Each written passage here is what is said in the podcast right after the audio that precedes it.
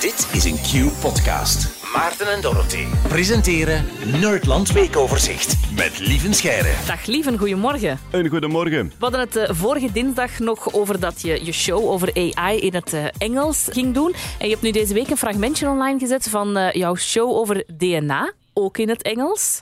I must say, coriander or cilantro is one of the few tastes that we already know how to find in the DNA.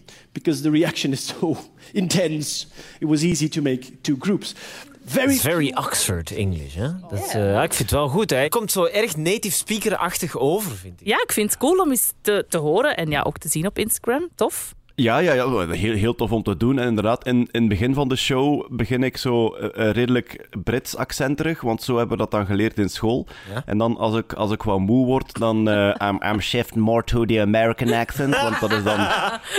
Dat kende dan van televisie en de, en de films. Ja. And then when I'm, when I'm really tired in the end, it is just Belgian English. eh. It is just uh, like everyone in Belgium, just a continental English accent. Maar Ja, ja. di- Dit was nu de DNA-tour, maar eh, voor eh, AI ben je daar ook eh, opnames bij aan het maken en zo. Ja, ik heb dus eentje gespeeld in, eh, in het Engels, de AI-show in Gent. En daar zijn opnames van. En dus wij gaan af en toe een fragmentje posten op mijn Instagram en op mijn eh, TikTok. Ik heb zowaar een TikTok-account, want ik ben jong en hip en helemaal niet oud. En ehm, Met die side note ben je eh, ja, eigenlijk het tegenovergestelde. Maar oké, ja, voilà. verder. Dus Ja. ik, eh, ik kom dan eh, op, op TikTok met mijn pet achterstevoren en mijn skateboard op mijn schouder. Zeg ik, hey How do kids, you do, fellow kids? how do you do, fellow kids?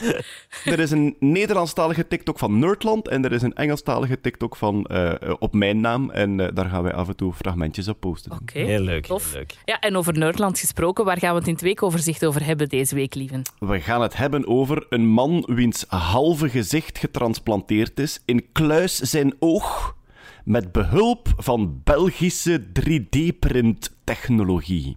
Ik heb daar al iets over gelezen online, maar ik ben wel benieuwd naar lieven zijn. Kijk op Kijk dit op de verhaal.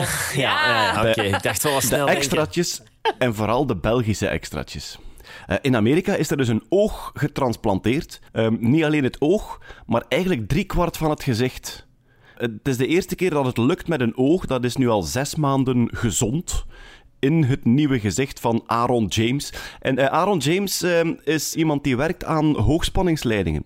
En die is bij een ongeval, heeft hij even met zijn wang aan een kabel met daarop 7200 volt gehangen. Wat niet gezellig is. Je zou eigenlijk kunnen zeggen dat de linkerhelft van zijn gezicht min of meer gesmolten is.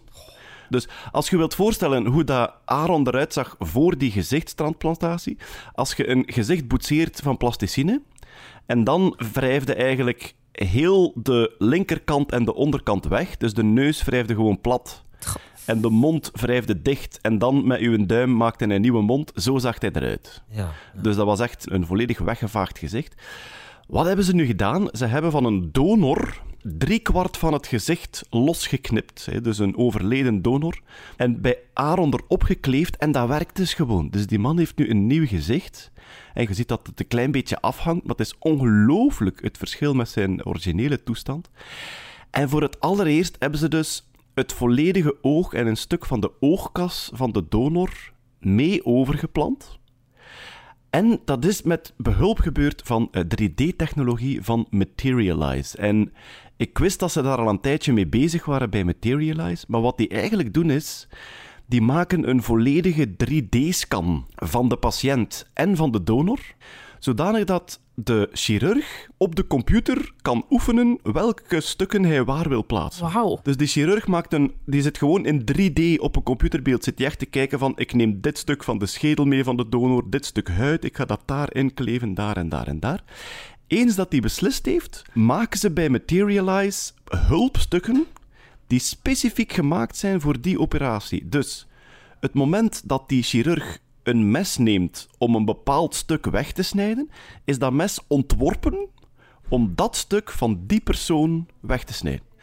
Ehm, ja, dat is eh, een, een waanzinnige technologie, die trouwens ook gebruikt wordt voor doodgewone beenbreuken. Dus als jij een complexe botbreuk hebt, eh, dan, kan het zijn, ehm, ja, dan kan het zijn dat er een 3D-scan gemaakt wordt van uw bot. Dat de chirurg in computersimulatie eigenlijk uw bot terug gaat samenstellen. En dan krijgt hij van Materialize krijgt hij, ehm, plastieke malletjes. En als uw arm dan opengesneden is, dan kan die gewoon een soort plastieke mal naast alle botfragmentjes leggen. Waar al die botfragmenten mooi in passen. Dus die klikt eigenlijk alle stukken bot in dat stuk plastic. En dan zitten er in dat stuk plastic ook al voor, eh, gaten voorgemaakt. waarin hij de titanium vijzen kan zetten.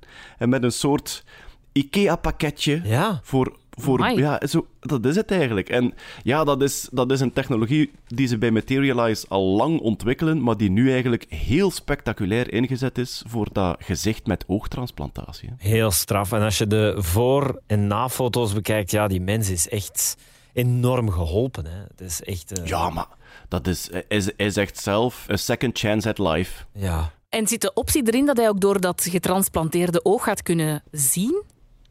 Wel, hij kan er nu niet doorzien. Nee. hè. Ehm, ze hebben dat wel geprobeerd. Terug kunnen zien met een nieuw oog is enorm veel complexer dan andere zintuigen. Ehm, uw oor bijvoorbeeld, ja, voor het oor hebben ze al elektronische implantaten, gelijk een cochleair implantaat dat je terug kan horen. Het zicht is veel ingewikkelder, omdat er zoveel lichtgevoelige celletjes in ons netvlies zitten, dat heel moeilijk is om heel die bedrading terug juist aan te sluiten. Zicht herstellen is nog niet gelukt, dat zal voor eh, de toekomst zijn. Er zijn wel al elektronische ogen, hè, dus waarbij mensen met een bepaalde beschadiging op het netvlies kunnen ze zoal een cameraatje in een bril stoppen en dan een soort metalen plaatje met heel veel kleine pinnetjes achteraan in het netvlies prikken. En die kunnen terug contouren zien. Ik heb zo iemand ontmoet op ons Nerdland Festival die zo een bionisch oog heeft. Eh, peperduur, complete toptechnologie. Op een bepaald moment eh, kreeg hij een e-mail van het bedrijf. We zijn failliet en de support valt weg. Oh, nee. En dus eh, op een bepaald moment loopt hij over straat en geeft zijn bril drie piepjes, piep, piep, piep, en valt hij uit.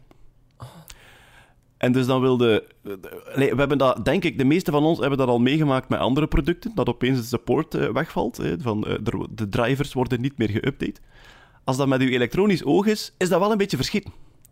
Dus dan wou wij bellen naar de helpdesk, maar er was niemand, want het bedrijf was failliet. En er is nu een soort groep van vrijwilliger nerds die zijn oog online houden. Dus die hebben het terug hersteld. Maar hij weet vanaf dat er een onderdeel kapot is, is dat ook weer gedaan. Want ja, het bedrijf bestaat gewoon niet meer. En nu wacht hij tot als er een ander bedrijf is dat het misschien wel terug, eh, terug in gang krijgt. Ja. Een prachtige blik op de actuele wetenschapswereld. Allee, is die blik Waarvoor nu dank. bedoeld? Ja, natuurlijk. Ah. Waarvoor dank, lieve Scheire. Maak er nog een hele fijne ochtend van. Bye bye. yo. Yo, bye bye. Dit was een podcast van Q-Music. Wil je meer? Wil je meer? Kijk op qmusic.be.